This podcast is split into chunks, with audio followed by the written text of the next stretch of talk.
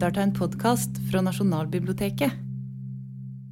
Velkommen til eh, dette første arrangementet i en serie samtaler om eh, norsk litteraturkritikks historie. Utgangspunktet for disse samtalene er rett og slett at eh, litteratur må leses for å leve.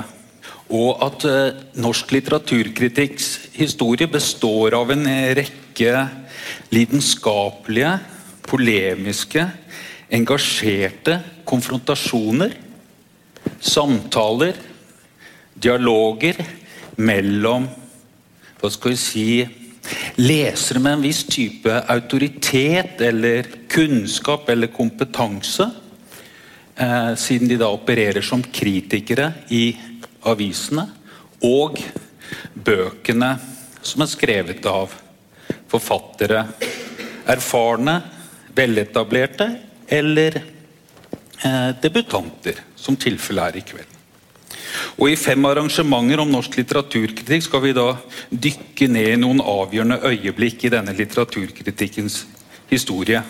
Fra mottakelsen av Camilla Colletts roman 'Amtmannens døtre' fra midten av 1850-tallet, til debatten rundt Kai Skagens oppgjør med AKP-ML-bevegelsen i boka 'Basarovs barn' i 1983.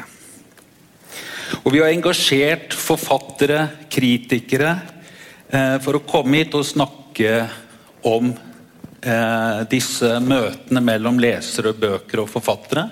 Og dere vil finne et detaljert program i dette programheftet som ligger nede i resepsjonen. Og så håper vi at dette da våren 2018 skal munne ut i en større konferanse om kritikkens historie. Men denne samtalen har ikke bare et mål, eller disse samtalene har ikke bare et mål, men også en bakgrunn. Fordi to, For noen år siden så kom det som kan kalles siste bind i norsk litteraturkritikks historie, som dekker perioden fra 1870 fram til 1990 nesten i dag, eh, til 2010. Og Det supplerte to tidligere bind som kom på begynnelsen av 1990-tallet. Så for første gang så har vi faktisk en historie om norsk litteraturkritikk. Og det er jo et utrolig flott utgangspunkt. Da økt kompetansen og interessen, eller kunnskapen og interessen for kritikk. Men samtidig så dekker jo selvfølgelig ikke disse historiene absolutt alt. Så vi tenkte at vi skulle bruke disse samtalene til å liksom se litt nærmere på noen av disse møtene.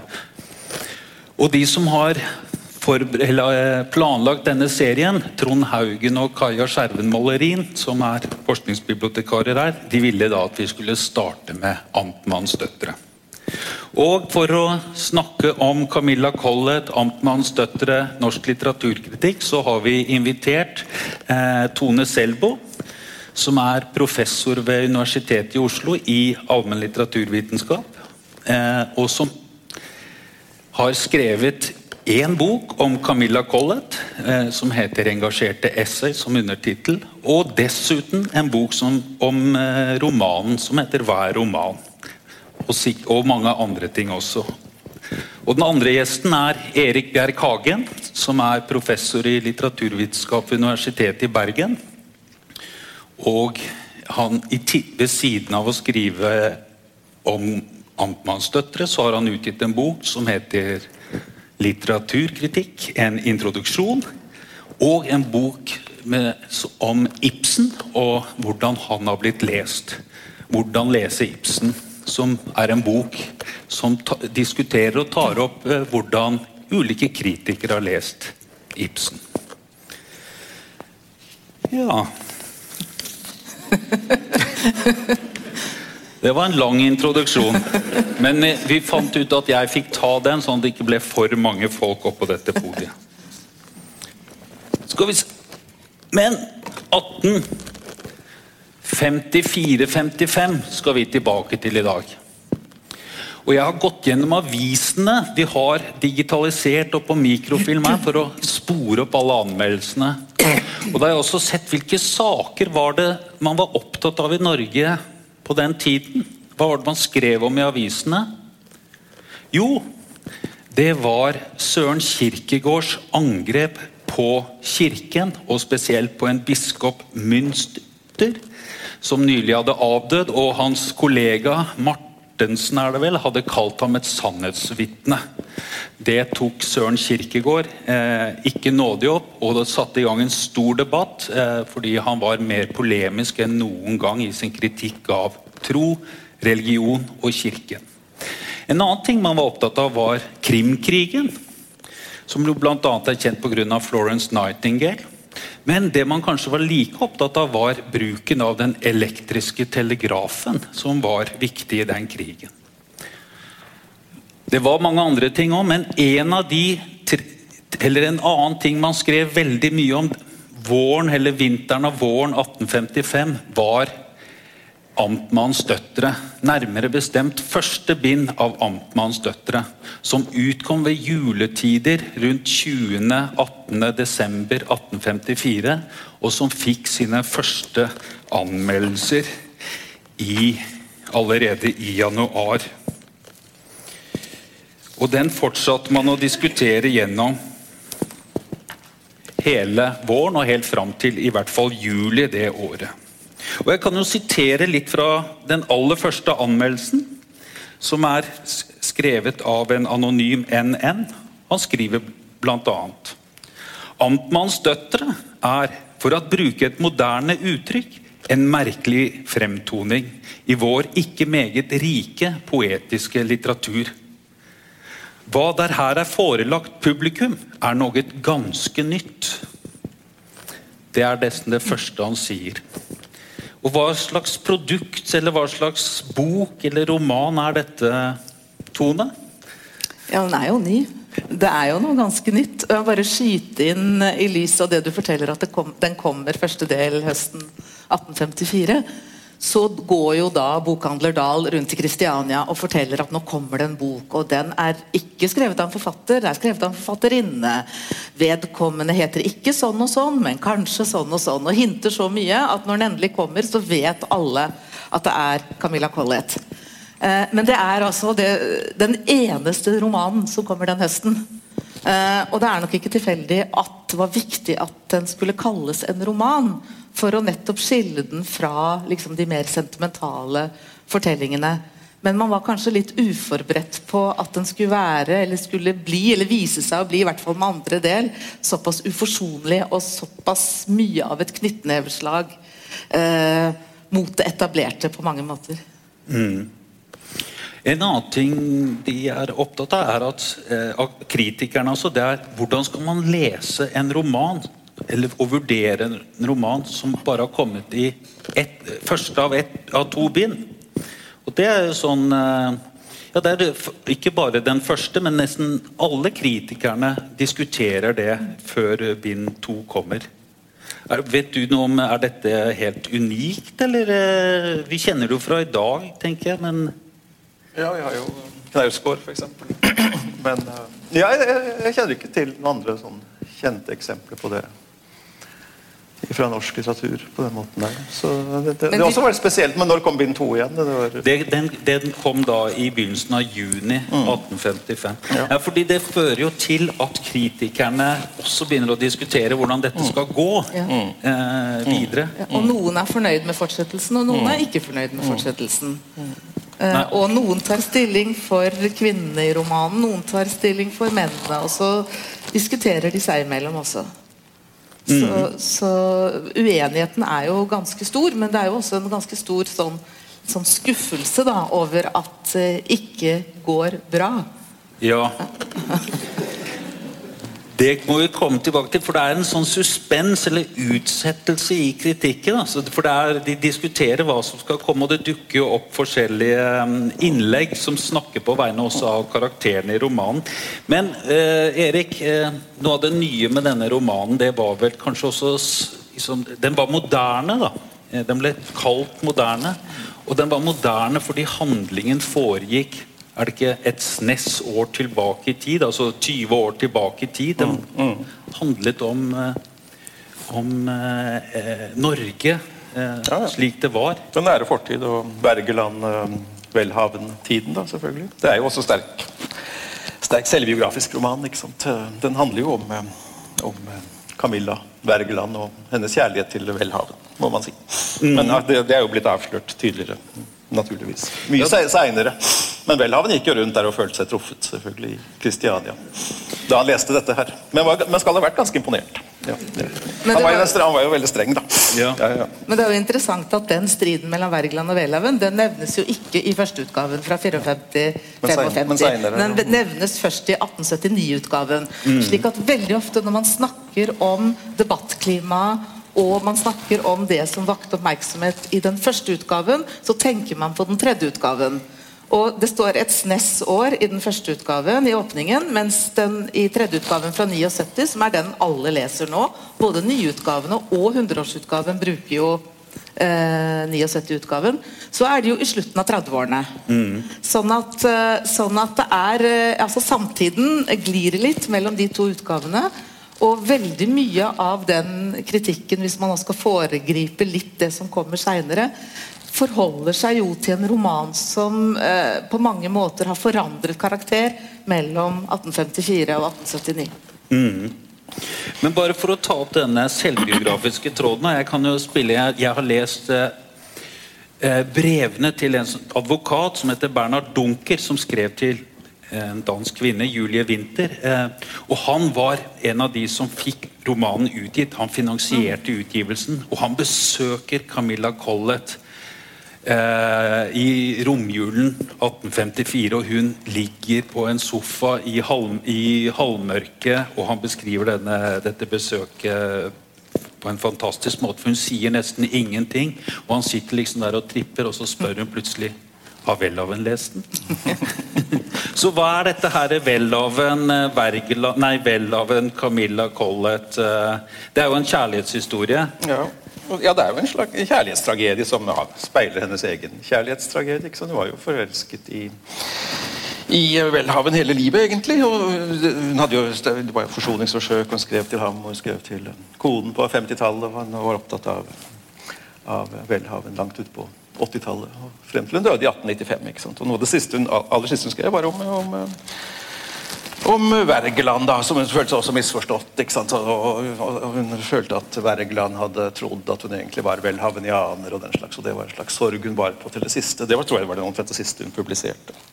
At hun ville selv slått fast at, at hun var, var og ble wergelandianer alt i alt. Selv om hun hadde vært gift med Jonas Collett, som var god venn av velhavende. Selv om hun var forbundet på en måte med den velhavenske estetikk på mange måter. Ja. Så, altså, så, så, det, Hele hennes forfatterskap er jo gjennomsyret av, av dette.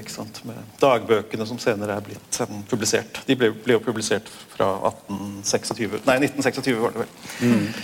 I, eh, særlig det første bindet der da, med, med etterlatte papirer, så, så, er jo, så er det jo Welhaven som er det brennende sentrum i hennes bevissthet. Og i romanen. naturligvis. Koll i romanen er jo Welhaven, en slags idealisert Welhaven. Det er, det jo, er jo. Og mens denne Brant, denne, denne mer eh, fordrukne skikkelsen, er jo en, var jo en god venn av Wergeland? Som, som også er lett identifiserbar og, og var lett å kjenne igjen som levende modell i samtiden. Men man kan jo også se spor av brevvekslingen mellom Camilla Wergeland og Jonas Collett i Amtmannsdøtre. døtre' og hvordan de diskuterte hva en roman skulle være, og hvem de hadde som forbilder. Og det er klart at uh, klart, Og hele deres forlovelsestid så skrev de jo brev.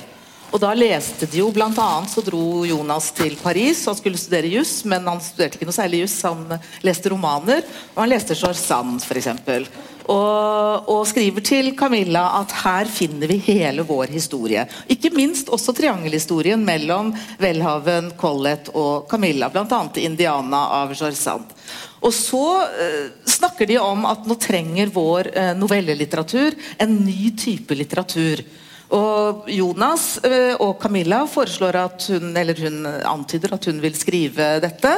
Og da, når, Selv om Jonas sier at han vil ha litteratur som tar vare på den dulgte gråt og den hemmelige latter, så, mener han ikke at eh, Camilla skal skrive den. Ikke ennå. Tiden er ikke moden.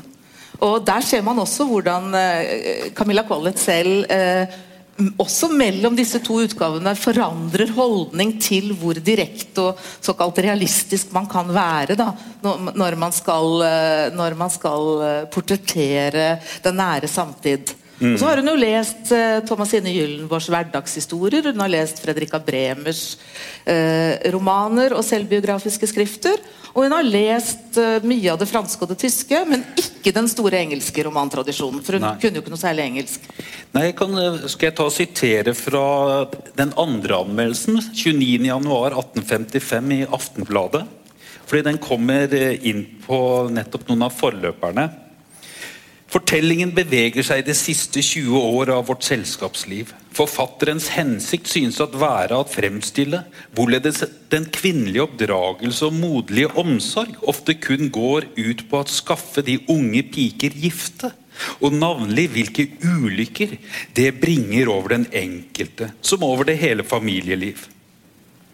Han, altså forfatteren, kommer her også til at omtale de mange pinende, konvensjonelle forhold. Hvorfor en dame er utsatt og kjemper for å skaffe henne en større og, og åndelig frihet.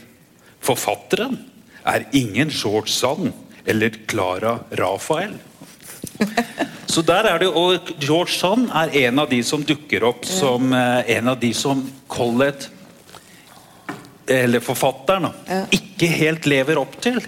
Mener de, altså Det de gjør, er jo å ta opp hansken, for de skjønner at denne romanen handler om eh, emansipasjonssaken, og at George Sand er en av de viktige forlagerne. Og så svarer de vel, du er ingen George Sand. Er det bare kritikerens hva skal vi si eh, Nedlatenhet. nedlatenhet, eller, eller har det noe for seg, eller peker det på en forskjell mellom Ja, det er klart det er forskjell, men, men altså, når Amtmanns døtre, døtre kommer i Norge, så har man ikke sett noe som ligner på den. Og så har man jo diskutert både i samtiden og ettertiden hvorvidt dette er, liksom, henger fast i en, i en sånn fortellerform som ikke er sannferdig eller realistisk nok. Men for Camilla Collett hun mente selv at hun var realist. Altså ikke sånn hardcore eh, naturalist, men hun var realist. Og det er jo ganske interessant at når Brandes i, i, i forordet til hovedstrømningene i 72 etterlyser eh, litteratur som setter problemer under debatt, og sier f.eks. så setter George Sand forholdet mellom de to kjønn under debatt, så nevner han ikke at Collett har gjort det allerede i 54. 55. Eh, og det er jo noe vi ser avsett av fremover i den norske litteraturhistorien, når Willy Dahl skriver om Camilla Collett, Amtmanns døtre, sammen med Bjørnsons Synnøve Solbakken, så sier han at Synnøve Solbakken den er mer realistisk, mer moderne enn en Camilla Colletts Amtmanns døtre. Hvis Collett skulle ha skrevet sånn som Bjørnson gjør, så ville det blitt mindre uttrykksfullt. Og det er fordi at jeg tror han misforstår, eller at man har på en måte misforstått disse her såkalt subjektive innslagene med brev og dagbøker osv. Men det er jo en måte å gi nettopp det kvinnelige plass. Altså Det gjør at Sofie kan si 'jeg'. Margrethe får komme til orde. Det er en måte å innlemme en sånn type kvinnelig subjektivitet på i, i en større handling og en større fortelling. Men Det Dahl protesterte mot, var jo denne gammeldagse formen. Han mente at, at språklig sett så var Bjørnson mye mer radikal og moderne. Men innholdsmessig så mente han at, at, da, at Collett var mye mer radikal. Så, så det satte seg veldig tidlig, dette med den tendensromanen og den radikale romanen. Da. Det, satt, det, ble jo, det ble jo fremhevet veldig tidlig av, av, eh, av folk som Henrik Jegel, som var den fremste da, i, i, blant norske litteraturhistorikere. Så det satte seg jo da, altså denne Tendensroman var jo nettopp et begrep som ble brukt mye på 50-tallet. Som det det, som det man ikke, ikke skulle skrive. Ikke? Ja, det Men- man ikke skulle skrive. hun skrev jo til disse danske autoritetene Winther, og, og særlig Heiberg, som var Nordens fremste eh, autoritet på estetikk. Slektning av, av Welhaven. Og, og skriver, og, de advarte henne jo mot at dette er for skarpt, det er for rått osv. Men, men det, hun- det presset seg frem. da, så, så Hun protesterte suverent mot det der og, og forsvarte det veldig fyndig i brevene til, til Heiberg at nei, så tendens måtte det være. Og råskap måtte det være. Og det forsvarer hun jo i, for, i det etterordet eller forordet eller hva det er til tredjeutgaven også. Veldig ja, godt. men da hadde alt dette satt seg. ikke hadde Ja. alt, alt vendt om ikke sant? På, i løpet av 70-tallet. Mm. Også Så da flere det- av kritikerne peker på dette. Det er, det er en uro i boken. En lidenskap i fortellingen som de ikke er vant til. Det er en, og den sier den, eh, hun, liksom, hun er for eh, Hun har ikke den avstanden og utblikket eller oversikten. Liksom. Hun er for tett på handlingen. Og vi begynner å nærme oss dette med tendensen. da. Men eh, det, så sier de også at eller en av kritikerne sier at til denne romanen kan man ikke være tilskuer. Og det, Man blir liksom så trukket inn i den, det, og, og gjenkjennelsen blir så stor at blir, man blir, går fra å være tilskuer til mer deltaker. da. Men så produserte de i en måte at det er en side negativt, da, for alle ekteskapene er, jo egentlig dårlige. ikke sant? Alle kvinnene er ulykkelige. Alle kvinner er Ja, ulykkelige. og det, det var en råskap. For, for de mente, Kritikerne mente jo at det var ganske bra å være gift. F.eks. Botten Hansen. Selv om han ikke, hadde, var, ikke var gift selv, så mente han å kunne observere at, at de gjorde folk lykkelige. Ja. Så det derfor skriver han direkte. ensidig. ensidig. Ja, for da er vi over på tendensen. For da er det jo mange eh, som innvender mot romanen at den gir et altfor pessimistisk bilde av eh, ekteskapets eh, Av ekteskapet og det ekteskapelige liv. Og at forfatteren der virker litt for bitter på en eller annen måte. Ja, Camilla Collett mente jo at hun var for lite eh, krass. At det var mye verre i virkeligheten. Og at hvis det skulle ende lykkelig, så ville det vært et lykketreff, som hun sier. Men hun forsvarer jo også andre steder. Det er jo ganske interessant i lys av vår måte å snakke om litteratur på. Hun kursiverer sånne ord i brev og essay som Det er livet som rører seg. Det er historien, det er litteraturen. Eh, og det er romanen. Og det er romanen som er den nye tids form. Og så sier hun at romanen den skal være til opplysning, den skal være til vekkelse og den skal være til vitnesbyrd. Og den skal være sann. Hun har ingen berøringsangst vis-à-vis virkeligheten. Heller ikke vis-à-vis å bearbeide det biografiske materialet som Erik var inne på. Så det er jo interessant at hun insisterer så sterkt på ikke nødvendigvis en sånt én-til-én-forhold, men at, den, at romanen det er noe av det som kjennetegner romanen vis-à-vis de sånn sentimentale fortellingene fra leiebibliotekene.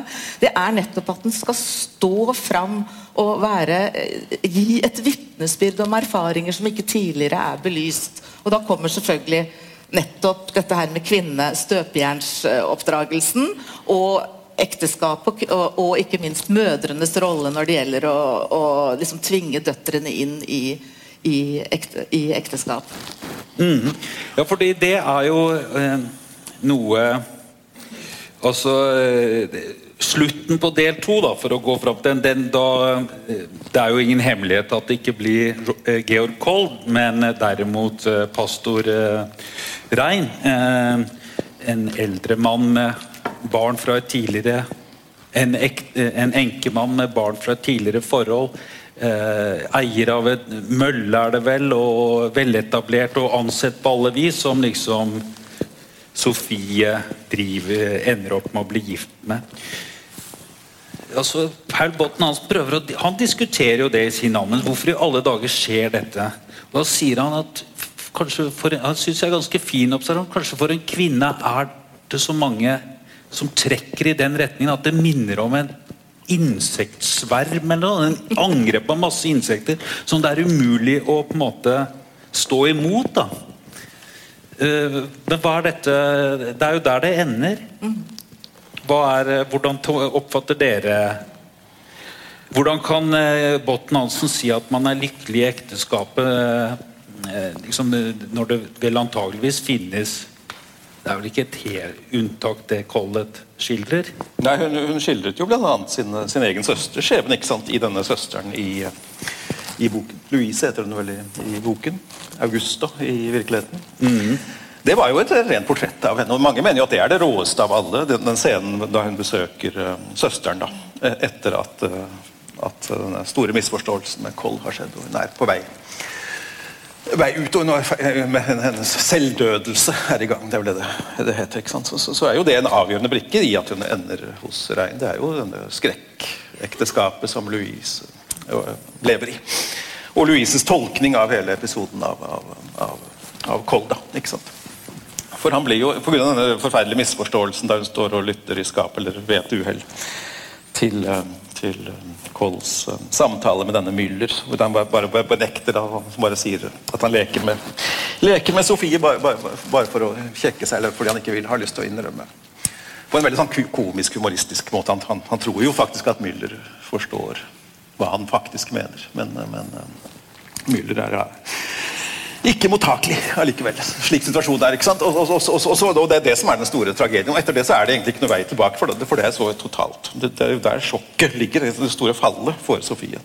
På grunn av denne misforståelsen. Det er egentlig ikke noe vei tilbake. Fra, fra den, og, Louise er jo da nå nærmer vi oss hvorfor denne boken ikke var så vellykket. Fordi ser vi ikke at ja, du tenker være en kommersielt, mener du? Eller? Nei, vellykket som roman. Det er jo det kritikerne sier. Den er ikke så vellykket. Den er fantastisk fascinerende. Den er noe helt nytt. Mm. Vi har aldri hatt noe lignende. Vi kan sammenligne med George Sand og andre forfattere. Men det er noe som ikke henger på greip her. For De tror de syns den tilfeldigheten er for forsert. ikke sant? Ja, for det kan ikke være en tendensroman hvis det er en tilfeldighet. Nei, da, da må det være statistisk eller liksom eh, det, det er ikke noen samfunnsmessig nødvendighet liksom, i, i atskillelsen. Det er bare en, en, en total tilfeldighet. Fordi en åpner skapdøren akkurat da. Ja. Ja, ja. Mm. Men det svarer hun jo på i, i forordet til tredjeutgaven i 79. Da, og Der mener hun at alt i kjærlighetslivet egentlig er, er tilfeldig. Men det er jo som å trekke et lodd. Da, uansett. Sånn er det vel egentlig. I vår tid også, da. ikke sant? Man, det er tilfeldig hvem man forelsker seg i, og hvem man gifter seg med, og hvordan det går etter et halvt år eller ett år. Det er veldig, det er veldig tilfeldig. Så, så, så, så, det er ikke noe unikt og, og, tynt egentlig over det der. Og så blir det blir jo en metafor for, rett og slett for, for, for så mangel på kommunikasjon og alt det som At vi er annerledes for hverandre. ikke sant? Mm. Så, akkurat det tror jeg er veldig, veldig lett å akseptere, syns jeg, da, som moderne leser.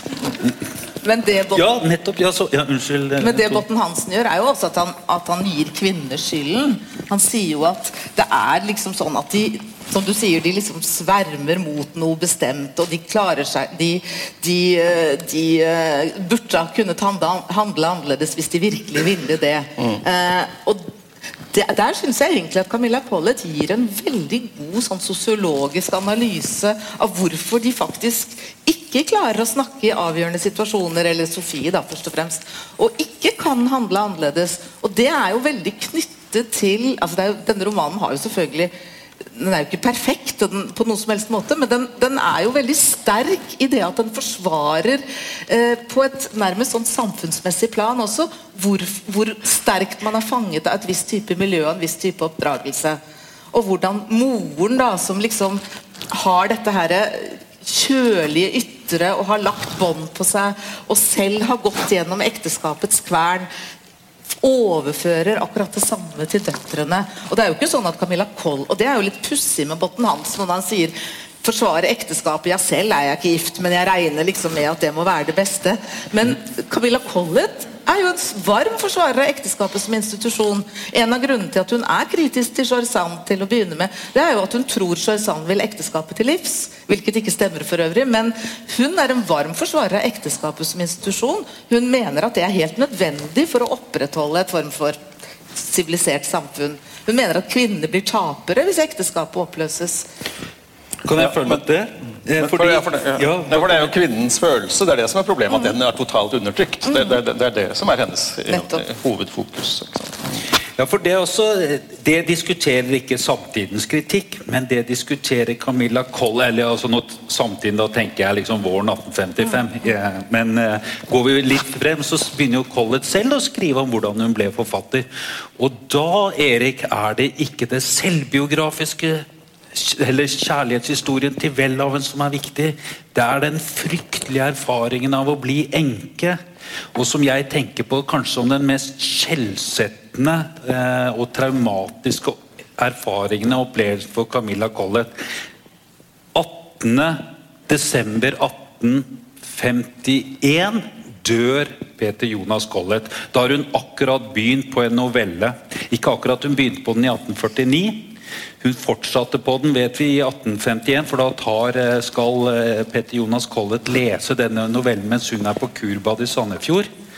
Og høsten 1851 så skriver naboen Halvdan Kjæruf, de bodde rett bak Slottsparken her, hele gjengen rundt Litteraturhuset, eh, at det er dårlige tider for norsk litteratur, men Collett skriver på en novelle i tre bind. Men så dør ektemannen, og da kastes livet hennes om. Hun må oppløse familien, sette bort to av barna. Eh, reise med to av de andre to andre sønnene til København og begynner å arbeide på romanen. Og Senere, når hun skriver til, om den, den, disse opplevelsene, så sier hun at eh, hun skrev seg ut av den fengselscellen som het 'Kvinne'. Og det tok form av et skrik, og de kalte det diktning. Og gjorde meg til forfatterinne. Og liksom, hva er det hun har opplevd? Hun har, og det, det hun sier er liksom, Når du ble enke, så falt du ikke bare liksom, du ble ikke bare enke, men du falt ut av hele samfunnslivet. Du liksom var bare tilhørte liksom de som skulle henslepe sitt liv på en sofa i en leilighet og ikke ta del i samfunnet lenger. Og dette er vel eh, liksom det derre intensiteten og eh, liksom Da hun blir oppmerksom på hvilken situasjon kvinner kan komme i. da. Helt åpenbart. Men det er klart at når vi diskuterer dette at hun, hun identifiserte seg jo veldig sterkt med andre kvinner også som turte å være, som hun sa den første kvinne der talte. Og hva det koster. Og det at hun selv så på seg selv som en som sto i avantgardens posisjon. som en sånn, Hun kaller seg jo selv en sånn forpostsoldat. forpostsoldat. Og, og, og på en måte er den som tar slagene for de som kommer etter. Eh, og noe av det jeg syns er fascinerende med Amtmanns døtre, det er jo også den der merkelige blandingen av en veldig sånn radikal, kall det gjerne tendens, og en veldig sånn debattvilje. Eh, men eh, knytt, i en form som både viser fram mot den senere eh, moderne, realistiske gjennombruddslitteraturen, og har sin sterke forankring i både en mentalitetshistorisk og en stilhistorisk, rom, mer romantisk kontekst og sammenheng. Sånn at eh, den diskusjonen som jo har gått fra boka kom til i dag, altså er denne slutten liksom en realistisk kritikk av en romantisk tradisjon. Jeg tror det er Toril Steinfeld som skriver veldig fint om det. Eller er det en romantisk kritikk av en altfor krass realisme? Altså hva Og det er klart at det, der, det er en sånn tendens, hvis man ser biografisk på det også, til en dyrking av den umulige kjærligheten. Det, kommer man, det kan godt hende at dette kan anses realistisk, at livet tar nå de underligste vendinger på de underligste tidspunkter. Men det er også det elementet med. Det, det syns jeg faktisk at det er. Det er mulig du er uenig i det, Jo, jo, Erik. kanskje, kanskje i, hvert fall, I hvert fall i noe jeg har skrevet. Jeg er sikkert uenig fortsatt. fortsatt. Og det ser man veldig Ja. godt også i de brevene hvor hun bearbeider Welhaven-historien. Hvor hun skriver til Millie Dirix, og, og også i brevvekslingen med Jonas Collett. Hvor hun hele tiden liksom tester han på den historien med Welhaven. Og han er jo ekstremt tålmodig, det må man jo si. Det- Eh, og han er jo fremstår på mange måter som en som ja, Hun sier jo selv at han var den som løsnet hennes tunge osv. Altså, men, men at hun også da har disse to, to sterke opplevelsene, da, eller og, vel så det, pluss at hun kommer fra den familien hun kommer fra. Med hele den ballasten. Både kulturell og økonomisk kapital. Ja. Som, Ikke så, så, ikke så mye økonomisk, da. å jo, jo, jo. Har du ikke lest arveoppgjøret? Men, hun var jo velstående. vet du. Ok, jeg tror det var pasienten. Ja, men det var hun. altså det er ikke, jeg, jeg tror hun arvet omkring eh, altså så fem, dette vet du bedre. eh, 5000 spesidaler etter eh, Nicolai Wergeland. Faren, altså. Ja. Og det gjorde det mulig for familien å eh, kjøpe hus, og, eller bygge hus og etablere seg. da Og begynne å dra på kurbad og liksom eh, Men det er en annen historie. Men, men det er jo en del sånn kur... Men, eh, Hvis jeg kan Ja, bare fortsett, Erik. Ja, det, er en del sånn litteraturhistoriske klisjeer knyttet til dette her. ikke sant? For, for, fordi um, Hovedfortellingen om norsk litteraturhistorie var at det var Georg Brandes som egentlig innførte realismen i Norge. Ikke sant? Etter Brandes så, så kom- begynte Ibsen og Bjørnson å skrive realistisk, der de tidligere hadde vært uh, romantikere. Hva nå det betyr. ikke sant? Det, det kan jo bety så mange ting. Men faktum er jo at den norske realismen startet lenge før Brandes startet på 1850-tallet med Collett og Bjørnson. De opponerte begge to i praksis og teori. eh, Bjørnson begge deler. og eh, Collett mest i praksis i begynnelsen mot den rådende velhavenske, heibergske estetikk. Og mm. Både Synnøve Solbakken og de andre bondefortellingene og Amet Mansetre er noe radikalt nytt som egentlig innleder uh, norsk realisme. Og, og, og Brandes bør gjøres til en, egentlig en bifigur i, i, i den norske, norske Og Brandes har realis, jo, realismen. har jo ikke blikk for den der forankringen i det norske hverdagslivet som både Bjørnson og Collett står for. Nei, og pluss plus han kunne veldig lite om norsk litteratur egentlig, da han ja. skrev disse første verkene sine tidlig på, tidlig på 70-tallet. Og han, og han avfeier de danske romantikere som, som Veke og Mille, prestesønner og gamle osv. Og de norske forfatterne var jo også da prestedøtre og prestesønner. og den slags, Men, men, men de hadde jo ikke den mildheten og kristenheten som, som, som De var abolister. Men det dere sier nå, er jo at eh, fordi det har jeg, At Camilla Collett ikke er en overgangsfigur. Nei, det- fordi det er jo den klassiske Ja, ja, norske ja. historien om eh, litteraturhistorie. da. Ja, Den er starter med er- Wergeland og Welhaven, liksom. Og Welhaven, altså Wergeland døde i 45. Welhaven var død som forfatter i på slutten av 40-tallet. Altså, de gjespet når de så han trykket opp sine artikler og, og festdikt, liksom. Og det Halvdan Kjærulf skriver om, han syns det er så dørgende kjedelig. Og derfor har de tro til liksom, hva er det dette Collett holder på, og så starter noe på en måte noe moderne, da, noe nytt, som går fremover. Men når man leser altså, altså ganske tidlig, da, Henrik Jæger, eller når litteraturhistoriene begynner å komme, så blir Collett en overgangsfigur mell, som liksom på veien fra Wergeland til Bjørnson Og det er derfor hun reagerer så sterkt på Jegers forfatterportrett av henne. ikke sant? Fordi at Jeger gjør henne til noe annet enn det hun er, og det hun vil være. Hun opplever seg selv som en, ja, en avantgardist. Hun bruker faktisk det ordet. Og hun opplever seg selv som en som virkelig liksom innleder noe nytt. Det betyr jo ikke at hun ikke har med seg den lesningen som hun har oppdratt med, og at hun ikke har med seg en sånn type idealisme og en type altså en, sånn slags romantisk eh, horisont, sånn mentalitetshistorisk og litteraturhistorisk, men at hun er den som innleder noe nytt, det er jeg helt overbevist om. Og det ser man også veldig tydelig når man leser sånn litt i forlengelse av romanen. Leser essayene som begynner å komme, man leser brevvekslingen osv. Så, videre, så kretser hun hele tiden rundt det. Hva det vil si å være den som liksom står fram og gjør noe nytt. Og som prøver å, å introdusere helt nye tanker. Men hun har fått lide veldig for dette, for sånn denne overgangsbildet. Altså, de tror at hun står med ett ben i romantikken, da. Uh, igjen, så er det et fryktelig vanskelig begrep å bruke. For romantikken er jo en form for realisme, det også. Og, eh, og denne realismen, ikke sant? Og En klassisk formulering finnes hos uh, hennes mest autoritative fortolker, nemlig oldebarnet Steen. Ikke sant? Som sier at, at realismen det er egentlig bifigurene Louise den forsofne Brant, og det er uh, amtma, amtmanninnen, den forferdelige moren. Det er de virkelig realistiske figurene som peker fremover da, mot, mot liksom det store, moderne gjennombrudd. Mens hovedpersonen egentlig sitter fast i, i, um, i en sånn blek, idealistisk, romantisk eh, Og det er faktisk, Selv om hun selvfølgelig oppvurderer både romanen og forfatteren, så, så er det faktisk et, et sånn standardsynspunkt. da. Og, og de første kritikerne ikke sant, de angrep også også både Sofie og Koll, som bleke og veke og, og milde og svake og bisarre og, og den slags. ikke sant?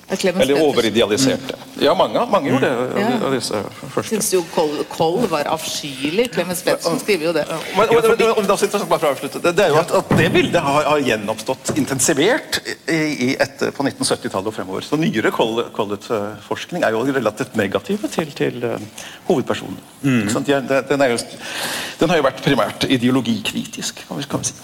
Men noe av det interessante er jo at, at uh, Elisif Steen sier jo at, at Camilla Collett hun var politisk uorientert og lite interessert i politikk. Og det samme sier jo eh, sønnen hennes Alf i sin erindringsbok. Altså, politikk interesserte henne ikke, og det kunne hun ikke noe om. Men både bruker Collett selv ordet politikk, men hun distanserer seg fra partipolitikken. Hun, hun sier liksom uh, hun, hun, uh, hun sier at mitt høyre og mitt venstre heter mann og kvinne.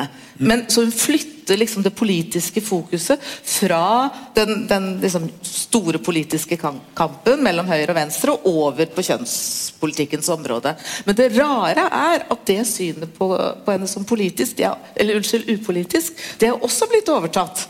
Litt i tråd med at man har liksom sett henne som en som dyrker Og det gjør hun jo, tanken og, følelsens frigjøring, men man har sett det som en sånn, et sånt upolitisk ståsted. Men det er jo ja, det, altså Når man leser f.eks. en bok som 'Pamfletten fra de stummes leir', slutten av 1870-tallet, som er liksom den feministiske eh, eh, kampskriftet hennes så når jeg leste var jo som å lese altså intensitet og patos. Eh, minte jo om det kommunistiske manifest. ikke sant? Hun kverner jo på sånn Hun har noen sånne refrenger som går igjen, som handler om at det er noe som er i ferd med å bryte gjennom samfunnsorden, og det er det at kvinner er i ferd med å bli subjekt og eh, kaste seg ut i livets strid. da. Og der snakker hun faktisk selv om at det er en slags overgangsposisjon. Og at det er en smertefull posisjon. For da må noen liksom bryte ut. Så der bruker hun selv dette bildet av overgang, faktisk. Og, og, og det er jo ganske altså, Jeg leser det ganske nylig, faktisk, i, i forbindelse med en bok som kom denne høsten Nei, i, i vår. Eh, og, fordi jeg tenkte så, Hva var det egentlig Camilla Collett startet med i sin feminisme? Og i eh, De stummes der så starter hun jo rett og slett med å kritisere mødre. Kvinner som identifiserer seg med morsrollen, og så går hun videre og kritiserer menn og institusjoner. Og, men først og fremst så er det en ganske sånn oppsiktsvekkende kritikk. Da. Man tenker hele tiden at hennes angrep liksom skal være rettet mot hva skal vi si, mennene som holder kvinnene nede, men i hvert fall i De forandrer seg litt fra gang til gang, disse bøkene hennes når man leser. Men eh, det slo meg nå når jeg leste den eh, ganske nylig. da. Men romanen også, så er det jo moren som er ho hovedskurkskurken. Ja. Det er jo opplagt. Ja, for det er kvinnene i disse, både i Amtmanns døtre og, eh, og eh, fra De stummes der som måtte er bærere av konvensjonene eh, og tradisjonen Og, Ja, Når det gjelder privatlivet, mennene var jo opptatt av andre ting. ikke sant? Det var kvinnen som styrte Ja. I hjemme- og privatlivet. Ja, for det gjør på en måte Det liksom forandrer jo ofte bildet av Collett og den kampen hun gjør. da. Hun kjemper liksom på både for og mot liksom kvinner. Liksom, vi må få, det må skje Vi må, vi Altså, må bli hun subjekter. kjemper, Handlende. kjemper jo ikke mot kvinner, men hun sier at kvinner må være med og bære ansvaret for den frigjøringen som skal komme. Og, og hun er jo veldig opptatt av dette med å liksom tørre å si 'jeg'. Eh, og da blir man, da blir man eh, anklaget for å være selvopptatt. Eh, da blir man anklaget for å være selvopptatt hvis man sier 'jeg'. Men det er jo noe med å bryte ut av den den tause majoritet. Jeg er å tørre å stå fram og si 'jeg'. Og Det motivet er jo også veldig tydelig til stede i Amtmanns døtre. Disse scenene hvor Sofie liksom mister eh, munnen og mælet og blir stum. altså Dette med tale og stumhet går jo gjennom hele veien. Men nå begynner vi å virkelig tenke nærme oss denne emansipasjonssaken. da. For Jeg må eh, ta oss litt tilbake til 1855. Fordi det er ganske utrolig når man leser anmeldelsene. Jeg har brukt mest tid på å lese Camilla Colletts brev og tekster og bøker. Og da klager hun jo ofte på at hun ikke får anmeldelser og at hun ikke får oppmerksomhet. og sånt. Eh, Jeg har nå skjønt at det hun egentlig klager på, er at hun ikke får ros, men at hun blir diskutert. Eh, Ifølge Bernhard Dunker vil hun bare ha ros. Høyligen ros, skriver han. Så hun er nok ikke noe, så glad nå når hun blir diskutert. Men eh, i alle fall, altså i løpet av våren da, så kommer det altså jeg tror et, omtrent ti anmeldelser eller omtaler. En av dem er, går over tre nummer i Kristiania-posten. Og den eh, er skrevet av en SN. Og utgangspunktet er at det har gått et rykte eller vært en, en annonse om at Amtmanns døtre skal oversettes til tysk. Og han skriver da en kjempelang omtale eh, som handler om hvorfor denne romanen ikke må oversettes til tysk. Den passer hos oss, men ikke i Tyskland. jeg passer her. Og jeg må bare få lov til å sitere litt, for jeg syns den er litt interessant. Eh, litt sånn Både hvordan han oppfatter den i forhold til norsk, Norge og norsk litteratur, men også fordi den, denne romanen jo er i det setter jo i gang en diskusjon hvorvidt denne romanen er norsk eller ikke. Eller nasjonallitteratur. Vel, vel. Han skriver at en av grunnene da, til at denne boken ikke bør oversettes til tysk, er at den behandler et utenfor vårt land usedvanlig, usedvanlig emne. Og, og heller ikke dens fremstilling giver noe inntrykk av vår nasjonalitet og, vår, og vårt folk. Og dette, Han begrunner dette, da. Men det er, som er nesten enda mer interessant enn denne litt Den er ganske pedantisk, syns jeg, den omtalen. Det er jo at det dukker opp en av amtmannens døtre i Morgenbladet. Eh, Seks-syv dager etter at siste versjon, av, eller siste del av den omtalen om hvorfor den ikke skal oversettes til tysk, så dukker det opp i Morgenbladet 12.3.1855 fra en av amtmannens døtre. Og denne datteren av amtmannen henvender seg til herr bladanmeldere, altså kritikerne. Og Hun er særlig rasende på denne omtalen i Morgenbladet, nei, i Kristiania-posten, som hun syns går altfor langt inn i å diskutere hennes mest intime tanker og betroelser til andre og følelsesliv. Og Dessuten så er hun så irritert på at alle tror at hun vil ha Georg Koll. Hun skriver Eller hva ville de, herr kritiker sige, hvis jeg nå slett ikke tok Koll? Og så åpner hun for den tanken jo man må få når man leser, at det er Lorentz Brandt hun skal forsøke.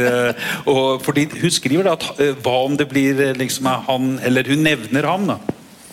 Som jo ville liksom eh, jeg synes bare Det var veldig sånn interessant, og det er også andre steder i Stav Aftenbladet er det også en kritiker som svarer på den her Vet du om eh, Camilla Collett uh, reagerte på den, eller? For det var neppe i hennes ånd at hun skulle ta Brandt isteden. Nei, Det var i Asbjørn Aarseths ånd seinere, på 1980-tallet. Der er det en berømt analyse som Eller berømt og berømt, men det var en analyse. Vel, eh, jeg vet Som mener at Brandt er egentlig helten. Ja, Men den første som nevner det, er han der i. Kristiania-posten. Han uh, gjør jo Brandt til helten, og så kommer da denne en av Amtmanns døtre. Så her er jo liksom debatt Og så Én ting er jo at man snakker om bok, men hun snakker jo som på vegne av Sofie, da. Ja, hun snakker jo som hun, Sofie. Ja. Hun later jo som hun er Sofie. Og, og, sånn at når man leser det først, så tenker man er dette hvem er det som har skrevet dette? Er det Collett som her liksom lar Sofie tale? Men så skjønner man jo ganske raskt at det er det ikke. At, og man vet vel ikke hvem som har skrevet den? Nei, jeg har ikke greid å identifisere hvem det kan være. da. Men det er da også Man må jo regne med at det er en kvinne, og at hun går eh, herr kritiker eller an, anmelderne i rette. Mm. Uh, og Det er jo liksom, det sier jo litt også om liksom, hvordan kritikken og anmelderiet og offentligheten fungerte liksom, som en sånn løpende samtale. Mm. For det er også, liksom, I dag da, når man skriver en anmeldelse, så vurderer man på en måte verket ikke, og kanskje nevner man noen andre anmeldelser, eller noe sånt, men denne type samtale som de hadde på midten av 1800-tallet, har vi ikke like tydelig i dag. Nei da. Og Bjørnson har rykket ut hele tiden og arresterte kritikerne og svarte på kritikk og kranglet om dette, om bagateller og detaljer i verkene osv.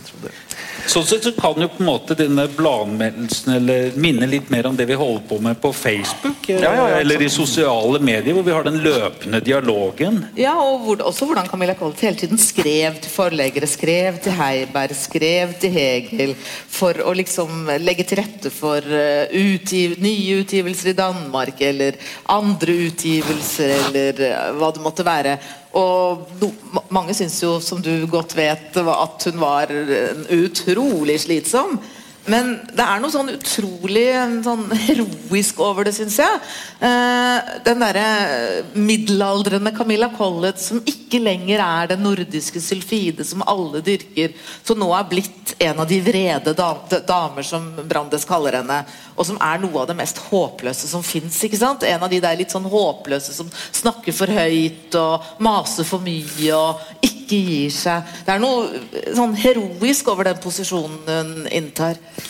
Ja, nå nevnte jeg at hun kritiserte kvinner. Jeg må jo da si at Hun, jo, hun kritiserte jo også mennene. Og på en måte vel ingen norsk kvinne hadde gjort før henne. Eh, og da kan man jo tenke liksom, altså jeg studerte denne korrespondansen, eller vi utga brevene til Bjørnson. Og det var en veldig kort eh, brevveksling. Varte bare høsten 1867, og så ble de bitre uvenner. Og siste brevet til Camilla er 'Intet brev, intet svar mottages fra eders hånd'. Eh, og Bjørnson hadde jo aldri opplevd noe lignende. Han ble jo irettesatt og konfrontert av en kvinne som nektet å la seg forløse litterært av ham, men tvert imot ville bruke han som mellommann. Og han ble jo krenket. altså Han, hadde, han var helt satt ut. Og Collett det stoppet jo ikke med det. Altså, en ting er å legge seg ut med Bjørnson, eh, som jo var den store norske forfatteren i Danmark. Men det neste var jo at hun la seg ut med sin egen og Bjørnsons forlegger, Fredrik Hegel. som var, Det er liksom som å legge seg ut med både Nygaard og, og, og, og Nå husker jeg ikke hva direktøren i Gyldendal heter, men det var liksom å legge seg ut med den mektigste forleggeren. Og hun gikk jo ikke av veien fra det heller, altså. Men den eneste som hadde et blikk for, og han er jo yngre, for hva hun faktisk har vært gjennom, det er Kielland. Og Kielland, Det er veldig rørende når Kielland skriver til henne. Han har, han har gått glipp av at hun er blitt må ha vært 80-årsdagen. Og så skriver han i etterkant til henne for å gratulere henne med dagen. Og så skriver han at 'jeg skjønner først nå hva de fru Collett har vært nødt til å gå gjennom for å ha den posisjonen de har i dag, mens jeg har sluppet mye lettere'. Eh, og så har han denne berømt om at alt han skriver eh, når det gjelder, Så skriver han under fru Colletts øyne, da. Men, men, men også mens han skriver med en stor ømhet og varme eh, om eh, at han skjønner at, at hun har gått gjennom helt andre ting enn ham. Og Mm. Han er vel den eneste av dem. Brandes er jo grusom. eh, og Ibsen respekterte Ibsen respekterte henne, det er helt riktig. Ja, hun har vel noen sånne mannlige støttespillere. For det eh, Og det er Ibsen, ja. Og så er det eh, eh, Kielland. Og så er det Jonas, Jonas Lie. Og så er det Lorentz Didriksson, en kunsthistorieprofessor. Så hun har liksom noen Men eh, det er veldig interessant, for hun får veldig fort ord på seg for å være vrien og vrang. Den første er faktisk denne Bernhard Dunker, da, som vel er en av de, også de første mennene. For hun har jo sånn, Hver gang hun skal utgi noe, så allierer hun seg med en mann. Det, og det trenger ikke være forleggeren, det skal egentlig være noen som setter henne i kontakt med forleggeren. Og det er det hun gjør systematisk. Man kan jo tenke seg at det er også en type altså, tenkte at det er jeg nødt til å gjøre, liksom, en strategi for å komme igjennom. Og så ender hun opp liksom å komme litt på kant med dem, og de oppfatter henne som masete. så hun blir eh, får ord på seg, da. Vel, eh, jeg har bare lyst til å Så hva sa Collett? Eh, etter å ha lest denne, tres, denne anmeldelsen som gikk over tre numre i, Christiania-posten, så besøker eh, denne Bernhard Dunker advokaten henne, og så skriver han til sin hjertesvenninne Julie Winther. I går formiddag kom det et bud fra fru Camilla at hun ønsket å tale med meg, og jeg gikk der inn. De bodde over hverandre i Karl Johans gate. Hun lå til sengs og talte om sin roman og en kritikk der i disse dager har revet den betydelig ned. Og som hun naturligvis fant under all kritikk. Så det virker jo som det også gikk veldig inn på henne, denne, disse diskusjonene. Ja, men det gjør det jo på forfattere, stort sett. Altså, ikke sant? Bjørnson kranglet med absolutt alle helt liv, og han, han var veldig ømskinnet også. ikke sant? Tynnhudet som en kvinne, som han, han seg selv. Men han får jo ikke altså Han blir liksom ikke straffet fordi at han er vanskelig, på samme måte som Collett blir straffet for at hun er, er vanskelig og sint. Og at det er liksom skriket fra disse hærskarene som Brande skriver om, at disse forferdelige fra de stummes leir, det er jo altså, De er jo så sinte at det nytter jo ikke å snakke med dem. eh. Men hun sier veldig flott et sted eh, Camilla Collett, det, det er meg som har kommet for tidlig. Det er tiden som sakker efter. Det er jo ganske sant. Og når hun kom på besøk, så måtte øh, vertskapet da høre på fire-fem timers sånn klagesang eller jeremiade da, før hun slappet av. ikke sant? Og, og så, så, så kunne det være hyggelig og, hyggelig og spirituell. Men først sånn jødisk jeremiade. Kvetchi. Ja. Kvetchi. Ja, nei, alt det, for det, det var jo faktisk en egen sport, altså en egen sjanger i norsk journalistikk på 1880-tallet, som var å trykke små notiser i Aftenposten om hvordan alt det rare Camilla Collett opplevde. Hun falt ned i sånne heissjakter fordi hun gikk inn døra, så var ikke heisen her. Hun skadet seg for hun gikk på vogner, hun mistet manuskripter. Festet penger til kjolen med en knappenål som hun mistet i Roma, og endte på sykehus i Paris. Og, uh... Altså, hun var jo rett og slett utsatt for paparazzi på en helt annen måte enn Bjørnson og, og, og Hegel og Ibsen og eh, virket sånn. Altså. Hun, hun skrev til slutt faktisk til Aftenposten og lurte på hva dette var for noe. Eh, fordi hun var ikke utsatt for så mange uhell eh, som det var, ble hevdet der. Nei, nettopp. nettopp. Så det var også- også en slags kampanje mot, har jeg inntrykk av, da. Men selvtillit hadde hun da, øh, hele tiden. det er klart. Ellers hadde hun ikke klart å skjære igjennom på den måten og skrive den type roman. da. Tvert, altså, sånn tvert imot, øh, eller rett imot tiden. da. Så, så enorm selvtillit må hun jo ha hatt i tillegg. Det har jo da ofte forfattere. De er både ømskinnede og er fulle av selvtillit. Det er den kreative, sånn manisk-depressive Men tilstanden. Amalie Skram beskriver et sted hvordan hun får, eh, får Erik Skram etter at de har giftet seg og bor i København, så får hun Erik til å dra og hente henne. Altså Camilla Collett, for hun skal komme på besøk, og da må hun hentes av Erik. Og hvordan hun blomstrer opp, og de har en helt fantastisk kveld. Og hun blir fulgt hjem igjen av kavaleren Erik, som jo kunne visst, kunne dette her. Og, og hvordan hun var liksom på sitt mest sjarmerende. da. Og da er hun liksom i den fasen hvor de fleste anser henne som vanskelig og gammel og sinna og alt det der. Så det handler jo også om å liksom få oppmerksomhet og gjøres trygg. og Men kanskje vi skal prøve oss å bare runde av litt sånn hva skal vi si, litteraturkritisk? For Hvis vi skulle sagt noe om eh, liksom, hva, hva, altså, hva tenker dere om liksom, Hva betydde Amtmanns døtre, som var noe helt nytt i litteraturen?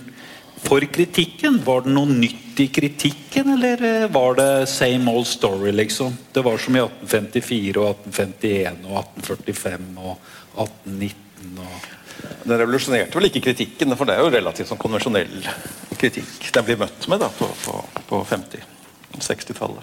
Det, det er det. Så, så og, Men, også, også på 70-tallet så kom jo da realistene og brandesianerne og, og alt dette, og den nye generasjonen og løfter den opp der, ikke sant, og dyrker råheten og begynner å snakke ned restene av romantikk osv. Det er jo denne dobbeltheten som man har vært utsatt for hele tiden, som, jo, som gjør at den fortsatt fremstår som veldig undervurdert i litteraturhistorien. Det er ingen som snakker bare pent om eh, amtmannsdøtre.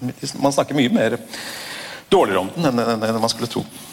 Enn en den fortjener. Mm, og, det, og det begynte der. Men så, så, så da, da ble den jo verdsatt. øh, de fleste kvalitetene vi de fleste kvalitetene øh, ble jo da verdsatt på, på 70-tallet, men slett ikke alle. Men, men jeg tror ikke den, den, tror ikke den gjorde noe med kritikken. For, for, for det var den øh, monradske, monradske velhavenske kritikk som dominerte frem mot 1870. Det var vel Christian Elster den eldre som var den, den som kanskje blant kritikere, viktige kritikere som virkelig brøt med det velhavenske, heibergske, monradske regimet som kritiker. Christian Elster den eldre er jo en av de. Dessverre har han falt nesten helt ut av eh, kritikkens historie, bind tre. Han havnet da Kritikkhistorien skilles jo mellom altså, Bind 2 slutter i 1870, ikke sant? og bind 3 starter i 1870. Og Kristian Elster var aktiv akkurat i årene rundt 1870, så han bare faller ned i sprekken mellom, mellom bindene. Og For ettertiden så har jo liksom Brandes' litteratursyn blitt stående så veldig tydelig. Og han anerkjenner jo ikke Collett, så selv om han ikke var del av den norske altså han var jo på en måte del av den norske kritikken også. Så, sånn at Jeg kjenner ikke den kritikkhistorien så godt at jeg kan si hvorvidt det liksom, var noe nytt som skjedde da. Men det er helt åpenbart at de tilløpene til liksom å anerkjenne eh, det virkelig revolusjonerende med, med Collett, det, for, det ble liksom drept med Brandes når han liksom eh, betonet reaksjonen og ikke, ikke, over, og ikke anerkjente Collett i det hele tatt. Han var to, relativt positiv eh, til å begynne med, men så, så Men han anerkjenner henne jo ikke som del av det nye. Det gjør han jo ikke. Nei, og eleven Henning Jeger er også da veldig ambivalent. da. Ja. Ja, det er interessant. Jeg tenkte kom på han Paul Botten Hansen. Han var jo en av de unge kritikerne i 1850 i 1850-årene. Han bodde nederst i Parkveien. Han delte hybel eh, med Vinje. Og Ibsen, deres gode venn, bodde ikke langt unna. Og både Vinje og Paul Botten Hansen dør jo ganske tidlig. På en måte sånn at de eh, folk, må- de blir ikke med videre. Men om Vinje var liksom en litt sånn ekstrem målmann, eh, det ble han oppfattet som, i hvert fall når man leser samtidens eh, beskrivelser, så var Paul Botten Hansen utrolig respektert. og Han av de største boksamlingene og, skrev kataloger over norske utgivelser. når de 1870-årene tror jeg det var, så var det en stor utstilling i Paris. og Da fikk Paul Botten Hansen oppgaven å presentere norsk litteratur for, på fransk. Og Han er en av de, han skriver mye om Camilla Collett. og, trekker frem henne som en av de virkelig interessante. Så han var jo virkelig Men han ble da han døde, så han, eh, hans stemme stilner. når døde han det? Ja, Det er det jeg ikke greier å huske, men eh, Det var rundt 69-70 år. så vidt jeg han, eh, liksom, han ble ikke med videre inn i det moderne gjennombrudd. Da. Han ble en av forløperne, men han var virkelig en av de som en ting var at han skrev for tidsskrifter og aviser, og var jo med på dette tidsskriftet til Vinje og Ibsen. Og viktig, men han var også en av de virkelig gode leserne eh, av eh, Camilla Collett. Så ja, det kan også være en forklaring at på en måte, det ble borte når Brandes og det moderne gjennombruddsmenn tok over. På, var det på 1880? Ja. Altså 1872 kom jo 72 kom, ja, eh, eller forelesningene i 71. Og, og første bindet emigrantlitteraturen kommer i 72, som jo Collett går inn og diskuterer og er rasende på fordi at det bare er to kvinner med, nemlig Madame de Stahl og Jarzan. Eh, men de har ganske likt syn på Jarzan, eh, Brandes og Collett. Nemlig at det er århundrets største forfatterinne. Det er der liksom bruddet skjer. Ikke, med, ikke med Madame de Stahl, som Brandes skriver, at man ser Madame de Stahls turban i det fjerne. Da starter liksom det nye. Og Collett er skeptisk til de Stahl. Eh, litt uklart hvor mye hun faktisk har lest, men de er helt enige, Brandes og Collett, bortsett fra at de da ikke snakker sammen, om sy når det gjelder synet på Jarzan, som nettopp den som er, er eh, den som setter liksom kjønnsspørsmålet på dagsordenen. Vel, da må vi gi oss. Takk skal eh, dere ha, Tone og Erik. Takk skal eh, publikum ha for at dere kom og hørte på. Har et spørsmål? Eh, Er Camilla Collett oversatt? Til tysk. Amtmanns døtre er oversatt til tysk. Når? Ikke engelsk. Og engelsk. Og engelsk og fransk. Fransk også. Ja, den er Ja. Eh, altså, den franske tror jeg er ganske ny, da. Men den tyske kom vel på altså Jeg har ikke dette helt present, da, men eh, hun jobber med å få bøkene sine oversatt eh, nesten fra starten av. Men den tyske oversettelsen av 'Amtmanns døtre' kommer senere. Den kom vel først da ut i Danmark, så kom den i Sverige, og så etter hvert vil jeg tro i Tyskland. Hun drar til Tyskland første gang i 1860, i et lengre Men kommer den ikke Den kommer jo under hennes levetid, den Ja. Mens den engelske kommer veldig mye seinere. Den kom jo for ja, 10 år siden eller 20 år siden. eller noe sånt. Eh, men den som ble oversatt i hennes levetid, da, det var jo den ble oversatt det var den tyske. Jeg tror ikke det var noen andre som jeg vet om. Jo, jo, den eh, Altså, det, det var jo han eh, det var, Den kom på da, svensk Ja, ja, ja, men Ja. tenkte jeg utenom Ja, Norden. ja. Ja. Flere spørsmål? Jo, et spørsmål til. Eh, Dette, denne her anmeldelsen som går i rette med den store anmeldelsen, den som kom 12. mars 1855, Ja. og som, som du ikke eh, kan antyde hvem som har skrevet.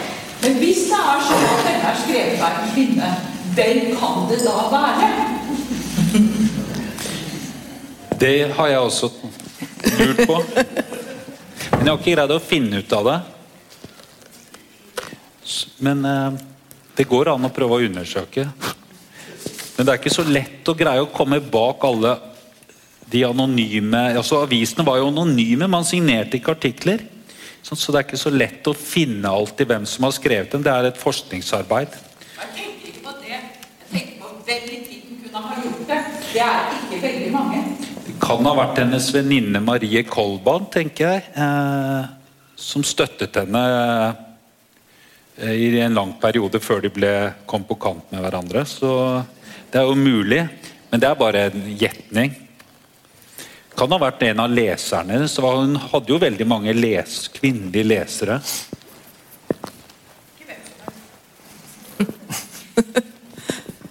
Ja.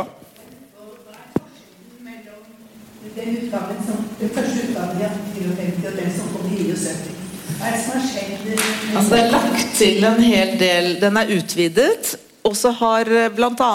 Koll han har liksom fått en bakgrunn og flere realist... Han er plassert i tid og rom mye tydeligere enn han er i førsteutgaven. Og så er hele f.eks. henvisningen til striden mellom Wergeland og Welhaven Den finnes ikke i førsteutgaven, men den finnes i tredjeutgaven. Og så har hun en veldig ja, det er sikkert mye mer, jeg har ikke studert dem systematisk, men noe av det morsomme i tredjeutgaven er at hun selv kommenterer Margretes Altså Margretes Blade, den delen der, og Margretes syn på Georsanne som eh, et syn som Collett sier at Margrethe tok nok litt feil der. fordi at Georsanne, for Der er hun ganske avvisende mot Georsanne og sier at dette passer ikke på våre forhold her hjemme i Kristiania. Eh, men så har Collett kommet på andre tanker i, i 79 og sier eh, at her tar Margrethe faktisk feil. Eh, var mye mer viktig og modig enn det Margrethe var klar over når hun skriver sine blader. Så det er noen eksempler, da. Men førsteutgave er nok den beste. Så jeg vil anbefale det. Da kan jeg, jeg vil, Vi må avslutte, for det, jeg er ikke sikker på hvor lenge vi, lokalene er åpne. Men jeg vil bare anbefale de som er interessert i å sammenligne førsteutgaven med tredjeutgaven, å gå på bokselskap.no. Der finnes det en utgivelse, parallellutgivelse av både første og tredjeutgaven. Så kan man sammenligne Eh, det, å se hvor endringene er, så får man ganske raskt et inntrykk etter bare noen sider. faktisk, og Hvis man vil, kan man jo fortsette å studere de endringene hele veien. Igjen, takk skal dere ha. Takk skal dere.